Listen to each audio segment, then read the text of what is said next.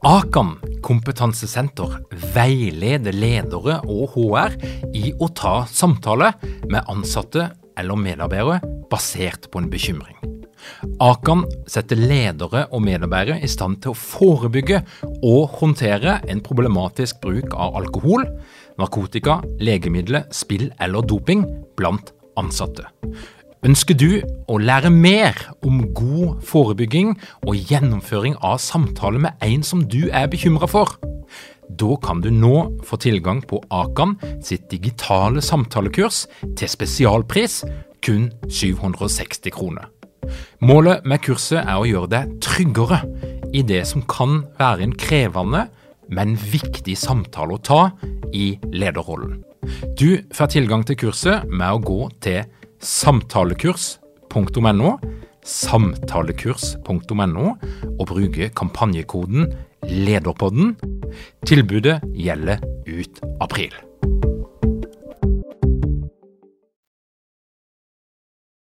Før episoden begynner, så vil jeg bare gi deg ei lita oppdatering. Lederprogrammet 2021 er nå lansert. Det er mulig å melde seg på, og det er det òg flere som allerede har gjort. Lederprogrammet er et tolv ukers digitalt lederprogram, der du får møtt ni av landets fremste eksperter på psykologi og ledelse. De vil lære deg sine beste verktøy, sine beste metoder, sånn at du skal være optimalt rusta for å møte de endringene som kommer, og sjøl være en driver for endring i din organisasjon og i din ledelse.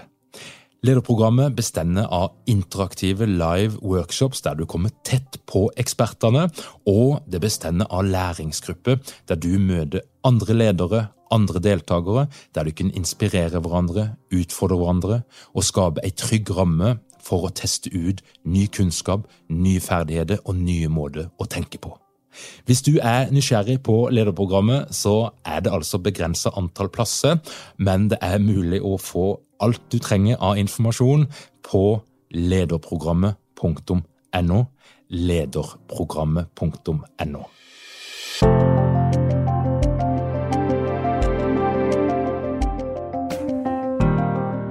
Velkommen til Lederpodden. Mitt navn er Tor Åge Eikerapen. Jeg jobber som organisasjonspsykolog og foredragsholder, og dette her er en podkast om ledelse.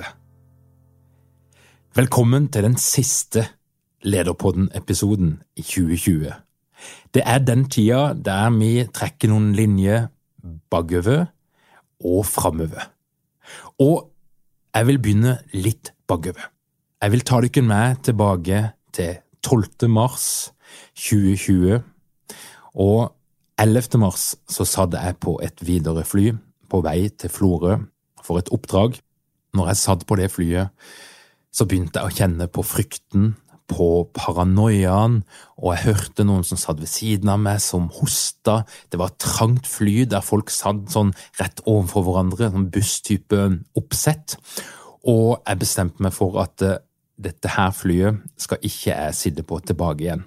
Da må jeg finne meg en annen vei. Dagen etterpå, den 12., så ble oppdraget som jeg hadde, avbrutt klokka tolv. Da kom statsministeren på eh, TV. Skolene ble stengt, landet lukka ned, og jeg begynte en desperat kamp for å finne meg den siste leiebilen i Florø. Og den fant jeg til slutt, og jeg kom meg i bilen, og jeg starta på en 14 timers tur over fjellet ifra Florø til Kristiansand. Og mens jeg kjørte, så hadde jeg på nyhetene, og jeg ble pumpa full av informasjon om alt som skjedde, og alt som en trodde kunne komme til å skje. Og jeg merka at jeg ble reddere og reddere, og jeg begynte å, å planlegge en liten evakuering av familien min. Jeg har en sønn som ble klassifisert som, eh, til å være i risikosona veldig tidlig, og jeg stoppa det opp et eller annet sted, et bitte lite samvirkelag et eller annet sted på Vestlandet, og jeg gikk inn der, Og, og eh, jo lenger jeg gikk med handlekurva, jo mer sikker ble jeg på at nå må, du, nå må du handle inn, for dette her kan bli siste muligheten på ganske lenge. Og etter hvert så hadde jeg to handlevogner fulle av saker og ting. Eh, ja, jeg må innrømme det, jeg var en av de som gikk rett i hamstringsmodus. Og, og jeg fylte opp, og det var, jo, det var jo ikke sånn at jeg plukka den gode maten, for det kunne jo se for seg, for nå begynte jo jeg å planlegge litt at her er det å komme seg hjem eh, til Sørlandet, og det er å få familien med i bilen og opp på fjellet, opp på hytta.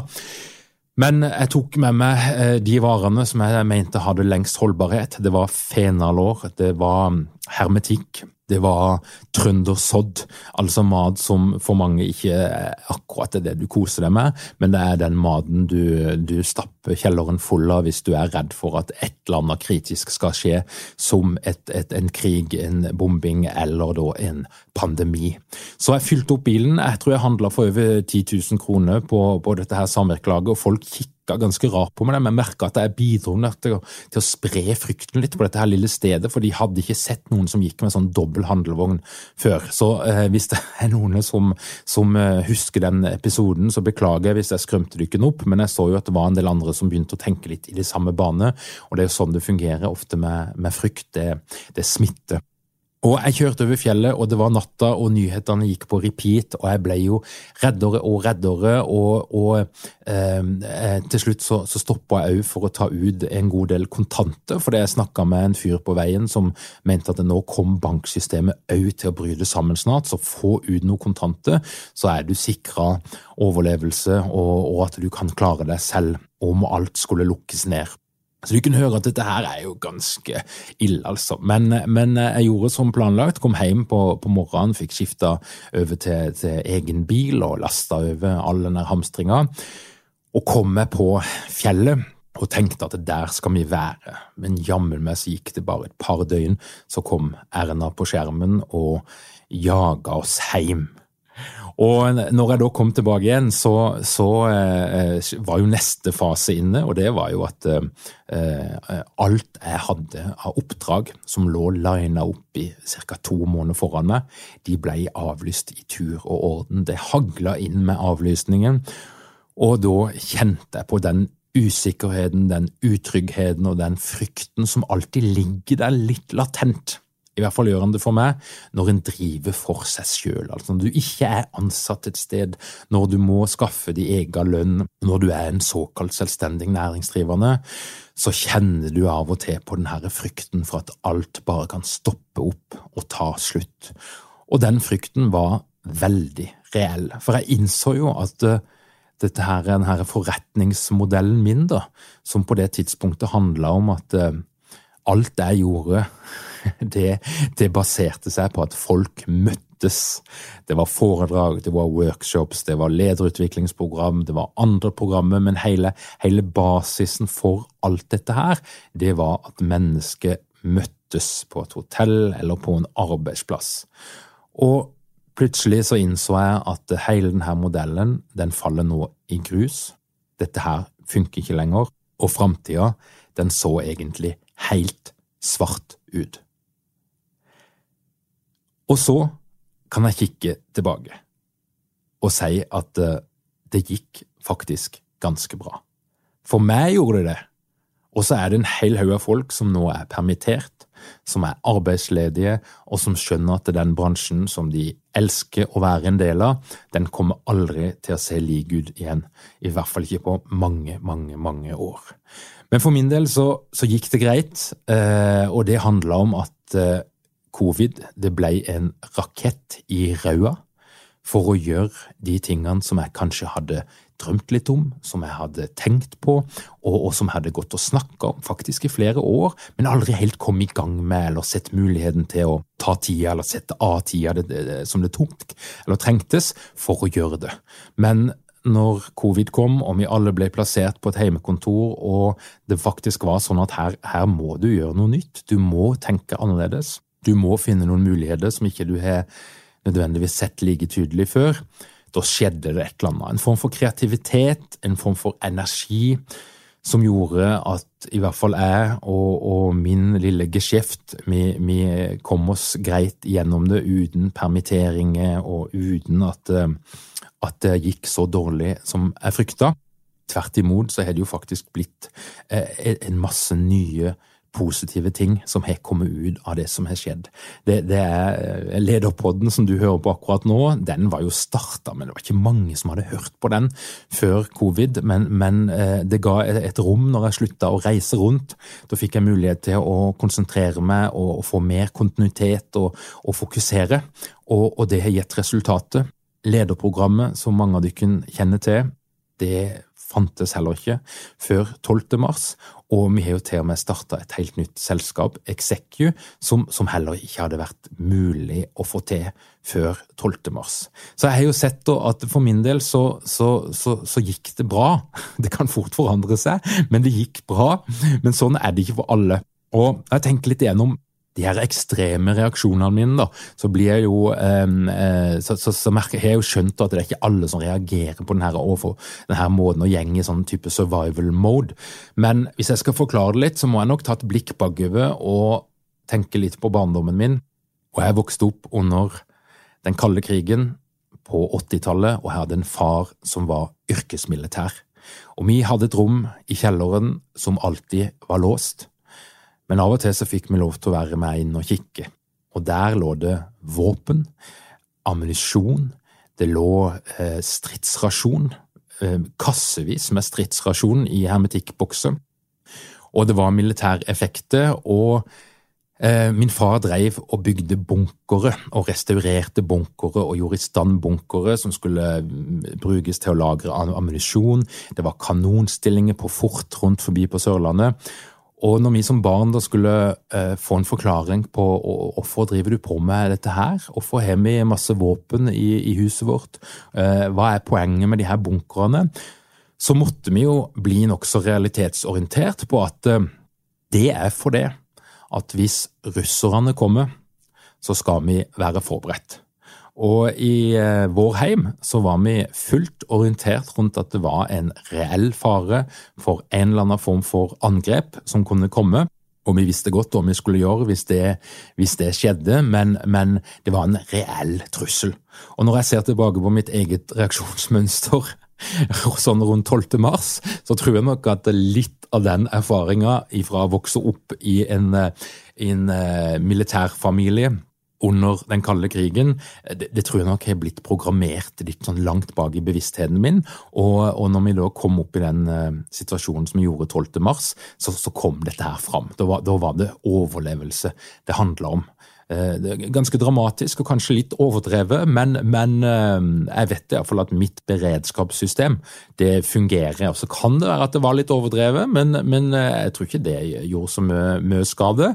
Bedre å være på den sida enn den andre. Men vi er kommet til, til, til, slutten av året, et år som har vært ekstremt på så utrolig mange måter. Altså situasjoner som vi aldri hadde forestilt oss. Eh, hendelse, måte å reagere på. Jeg tror alle dette her året har blitt kjent med andre sider av seg sjøl og andre sider av sin egen organisasjon og de menneskene som en jobber sammen med. Og Det som er positivt, som jeg ser, det er jo at mange rapporterer jo at det, vi har fått det til egentlig ganske bra. Mange forteller jo om mer samhold at de, de har bedre relasjoner, eh, de jobber bedre. Og så er det òg andre som forteller om en utrolig slitasje. Ensomhet, frykt, ustabilitet, økonomisk frykt, frykt for helsa si. Ja, det er et, et veldig mangfoldig bilde, og det, jeg tror det er helt umulig å fortelle én historie om 2020 det er et, eh, et stort spekter. Og, og, eh, hvis jeg skal kunne fastslå noe nokså selvsagt, så er det iallfall at folk opplever denne situasjonen veldig, veldig forskjellig. Og derfor så skal en òg være litt forsiktig med å komme med sånn fasitsvar på åssen vi skal gjøre det videre, eller hva som er det rette. Og det mangler jo ikke på råd rundt forbi, men vi er kommet der da at det er tida for å se litt tilbake, og det er tida. Er dykken mange ledere uten trening eller utdannelse innen ledelse? Mangler dykken en felles kultur og praksis for ledelse? Ønsker dykken å være bedre rusta for fremtidig vekst og endring? Da kan et internt lederutviklingsprogram være en god investering. I Execu så er vi eksperter på å designe og gjennomføre bedriftsinterne lederutviklingsprogram. Hvis du ønsker å lære mer om hvordan vi kan hjelpe dykken til å få enda bedre ledere, ta og klikk deg inn på execu.no.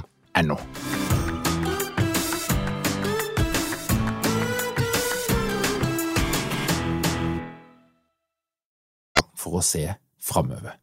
Et årsskifte, det er jo et eh, skille i kalenderen, først og fremst, men så er det jo et mentalt skille. Det, det, det tilfører litt ekstra motivasjon knytta til det å gjøre endringer, det å se litt lenger inn i framtida enn det vi gjør til vanlig, og bare det å få en, en ferie som kan på sitt beste være rigga for litt ettertanke og refleksjon, gjør jo at dette her er for mange ei perfekt tid for å se seg sjøl litt i fugleperspektiv. Ta en liten helikoptertur opp ifra ditt eget liv, kikke litt ned, kikke litt tilbake og kikke litt fram. Hvis du nå kjenner på at ok, her gjennom fridager, her er det tomrom, eh, jeg har lyst til å, bruke denne tida, jeg har lyst til å bruke dette skiftet mellom 2020 og 2021 til å gjøre et par grep, et par justeringer. Så er det to veier å gå, da, og du kan gå begge veiene samtidig. Nummer én, sett deg ned og tenk igjennom det året som har gått, og bruk erfaringene dine og refleksjonene dine til å styrke deg sjøl, til å lære noe, og til å, å bruke erfaringene dine positivt inn i framtida. Og da er det jo enkle spørsmål men, men allikevel, det er ikke alltid vi stiller de sånn av seg sjøl. Og nummer én, hva har du fått til? Hva er du fornøyd med? Hva er det som har overraska deg, enten knytta til deg sjøl og de tingene du har gjort, eller kollegaene dine, organisasjonen din. Dette her er jo mulig å, å, gjøre i en organisatorisk kontekst, og da kaller vi det ofte for organisatorisk læring, når man altså greier å kikke seg tilbake, trekke ut erfaringene og sette det kanskje òg litt i system. Og den andre tingen er jo hva var det som ikke funka? Hva var det som gikk galt? Hva var det du ikke fikk til? Og hva var det du trodde du skulle klare, men som du ikke klarte? Og hvorfor ble det sånn? Og begge de her aspektene, det som du fikk til og det som du ikke fikk til, der ligger det en kilde til å lære noe. Det ligger en kilde der til å få fram noe viktig informasjon som du kan bruke til å gjøre ting på et enda bedre vis inn i framtida. Og hvis du da eh, har tatt den jobben der, så kan det jo være at du er fornøyd. Så tenker du jeg er ganske fornøyd, jeg skal egentlig bare fortsette akkurat sånn som jeg har gjort, inn i dette her nye året. Og så er det òg noen som tenker nei, jeg skal faktisk ta ting enda et steg lenger. Enten så er utgangspunktet at du skal løse et problem, du skal få noe til å funke bedre, eh, eller at du har lyst til å oppnå et eller annet der framme. Noe som du bare tykker wow, det har vært gøy å erfare det, det har vært gøy å mestre det, det har vært gøy å få det til. Og dette her med årsskiftet det gir deg jo en gyllen anledning til å sette dette her litt i system, og bestemme deg litt. Hva er det som skal være din greie i 2021? Hva er det du vil huske som, som kult å ha fått til i 2021? Og få det fram allerede nå. Sett det som en sånn greie der framme. Og det trenger ikke være så stort, eh, det trenger ikke være så komplisert, og det bør egentlig ikke være så komplisert heller, skal du ha sjanse for å oppnå eh, dette her målet som du, som du måtte sette deg. Men det å si det høyt til deg sjøl i første omgang, hva er det du ønsker å gjøre mer av, hva er det du ønsker å gjøre mindre av i året som kommer? Når jeg kikker tilbake på 2020, så er det ganske mange ting som jeg har gjort mer av, eh, og som jeg er veldig stolt over og veldig glad over å ha fått til. Men, men jeg har jo kutta ut en del ting. Jeg har gjort noe, altså ting som jeg har brukt ganske mye tid på og energi på, men som egentlig ikke har gitt meg noe, eller som ikke har egentlig hengt sammen med, med det jeg ønsker å holde på med, eller den jeg ønsker å være. Og det tror jeg jo òg er en, en sånn suksesskriterium, at en må rydde litt. Grann. Og 2021 kan jo òg by på en mulighet for å rydde litt for din del. Ta vekk noen aktiviteter, ting du bruker tid på, ting du tenker mye på, ting som suger energi ut av deg, men som egentlig ikke gir deg noe tilbake eller tilføre noen andre noe verdi. Og Det er jo òg det et nytt år kan handle om. Å rydde opp. Rydde opp i relasjoner, arbeidsoppgaver, tankemønster, uh, uhensiktsmessige tankefeller som du ofte går i. Uh, rydde, rett og slett. Og kanskje òg få en litt tydeligere og skarpere prioritering på hva er det du bruker tid på i livet ditt. Hva er det du bruker tid på på jobb, privat, og åssen henger det sammen med dine verdier, hvem du ønsker å være, og, og, og du tenker at eh, Hvilket område er det du kan bidra mest på? Så det er mange veier å gå her, og eh, for noen så funker det bra å sette det litt i system og skrive det ned. Noen går så langt at de lager en utviklingsplan der de setter seg noen mål, de definerer et problem, en ønska tilstand, og ser for seg hva vil skje hvis jeg klarer å oppnå det. Eh, hvis jeg klarer å sove mer, være mer i naturen, få bedre relasjoner til sjefen min eller til medarbeiderne mine, eller lede på en helt annen måte, og kan det føre til?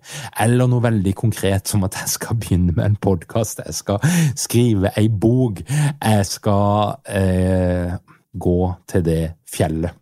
Det kan være så mange ting, men det å sette det i system noen sånne punkter. Hva er problemet, hva ønsker jeg å oppnå, og hvilke hindringer er det som jeg må overvinne for å klare å oppnå dette her? Og det å operasjonalisere ned til ja, ok, men du vil nå det målet langt der framme.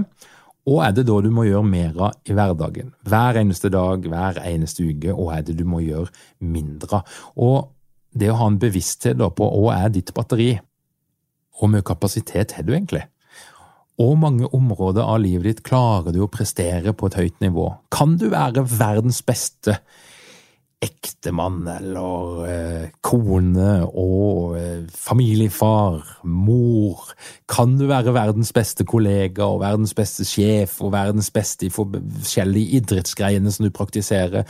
Altså, det å ha et litt realistisk bilde på hva er min kapasitet, og stort er batteriet mitt, og hvilket område av livet mitt er det som er det viktigste for meg akkurat nå, i den livsfasen jeg har, og få en liten sånn bevissthet på henne skal jeg putte inn denne energien min, som faktisk er litt begrensa. Hva er det som er viktig for meg, og hva er det som er viktig for de menneskene som jeg er glad i?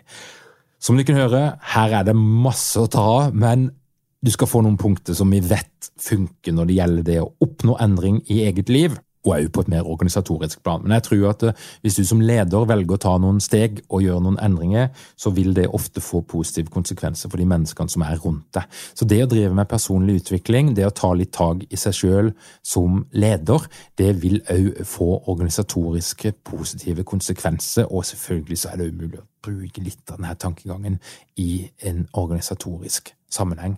Men det vi vet noe om, det er jo du må jo definere eh, problemet. Du, du, må si det høyt til deg sjøl. Hva er det du ønsker å gjøre noe med? Og hvorfor er det viktig for deg? Hvorfor betyr noe? Jeg tror du kan stille det der hvorfor-spørsmålet ganske mange ganger eh, for, for, for, å ankre ordentlig opp i dette her som du ønsker å gjøre noe med.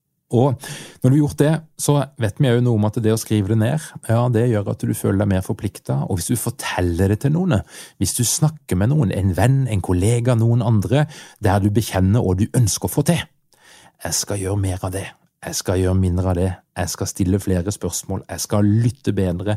Jeg skal bruke mindre tid på jobb. Jeg skal smugjobbe mindre, som noen forteller at de gjør. Jeg skal, jeg skal ha en større grad av balanse mellom jobben min, mellom familie og det sosiale og, og det, de andre tingene i livet mitt som gir energi. For eksempel, det å fortelle til noen skape en forpliktelse som vi vet kan bidra til å få deg til målet. Det å operasjonalisere det, som jeg nevnte, og, og det å sette det inn i en, en tidsramme, og, og, det å ha en treningspartner som gir deg litt tilbakemelding, eller iallfall en eller annen form for feedback som forteller deg noe om henne er du nå på veien mot å nå dette her målet. Og De typiske temaene da, som mange er opptatt av akkurat nå, det er jo søvn, det er energi, det er relasjoner, det er i hvilken grad mestrer jeg på jobb. Eh, altså det, Blir jeg for lite utfordra, blir jeg for mye utfordra? Um, og, og, de store spørsmålene knytta til, til åssen er det egentlig du vil ha det i livet ditt. Et årsskifte gir jo òg en mulighet til å si takk. Det gir muligheten til å anerkjenne de som fortjener å bli anerkjent, og, å gi en sånn ekstra tilbakemelding på at hei, tusen takk for at du gjør den jobben som du gjør. Og det siste året særlig så har jeg bygd meg opp et lite nettverk, et lite team av mennesker rundt meg og rundt ja, Execu og Skagestad pluss Eikerapen, de her to selskapene som, som vi nå driver. Og eh, det er folk som, eh, som, bidrar til å gjøre oss bedre. Eh, det var en fase der, der jeg skulle gjøre absolutt alt sjøl, og det fungerte på et vis, men, men det har blitt et utrolig løft når vi har fått anledning til å engasjere folk som virkelig er flinke på det de driver med. Og Hvis jeg skal si noe som kjennetegner de som vi jobber med, så er det at det, det er ikke noe sånn konsern. Det er ikke sånne her eh, gigantiske selskaper der du er et, eh, et nummer i, i, rekka, men vi jobber fortrinnsvis med mennesker og organisasjoner som er ganske små, og som har det til felles at de har en lidenskap for faget sitt som er lett å få øye på. De brenner for det de holder på med, og vi opplever at som kunde for det er jo faktisk det vi er. Selv om vi kanskje tenker på oss mer som samarbeidspartnere, så opplever vi å bli sett, og at eh, de virkelig vil hjelpe oss til å lykkes. At det er noe ekstra, det er noe mer enn å bare levere det, det minimumet som må leveres. Og jeg vil bare si takk til dere alle sammen. Dere vet godt hvem dere er. Det er ei som gjør design for oss. Hun sitter i Vennesla. Helt nydelig. Vi har noen som gjør lyd for oss. De er i Kristiansand. Vi har noen som lager alle de tekniske produksjonene rundt lederprogrammet. Har noen som ordner sosial media-greier eh, for oss, sånn når det gjelder annonsering og systemet og, og, og den slags. Og vi har noen som lager film for oss, og vi har i det hele tatt en vanvittig god gjeng med lidenskapelige folk. Små selskaper, små entreprenører som, brenner for det de holder på med, og det er bare fantastisk å jobbe med sånne folk. Til alle dere som driver stort, sikkert gøy det òg, og fortsett med det, men for min del så velger jeg de små. Dykkene helt nydelige. Tusen hjertelig takk for at dere hjelper oss sånn som dere gjør. Og selvfølgelig så må jeg si takk til alle dere som er kunder av oss, og som er eh, lyttere av Lederpodden. Deltakere på lederprogrammet, deltakere på alt det, det vi gjør. Og eh, det er jo dere som får ting til å skje, da. Takk for at dere stoler på oss. Takk for at dere eh, hører på de greiene vi holder på med, og deltar på de greiene vi holder på med. Tusen hjertelig takk og uansett hvem du måtte være, så ønsker jeg deg da altså et, et, ah, et herlig 2021. Måtte 2021 bli annerledes på mange måter, og måtte 2021 bli et år der vi iallfall tar med oss noe av det vi har lært, og noe av de, den innovasjonen som har vært bedrevet i 2020, for det er jo en del av historien om 2020. Vi har fått til nye ting, og bedre ting. Og de gode tingene så må vi ta med oss inn i det nye året, men jeg håper på et vanvittig mye mer sosialt og nærere 2021. Da håper jeg du spretter champagnekorken, setter fyr på raketten og fram med kalkunen, eh, eller hva du foretrekker å sette i deg. Godt nytt år!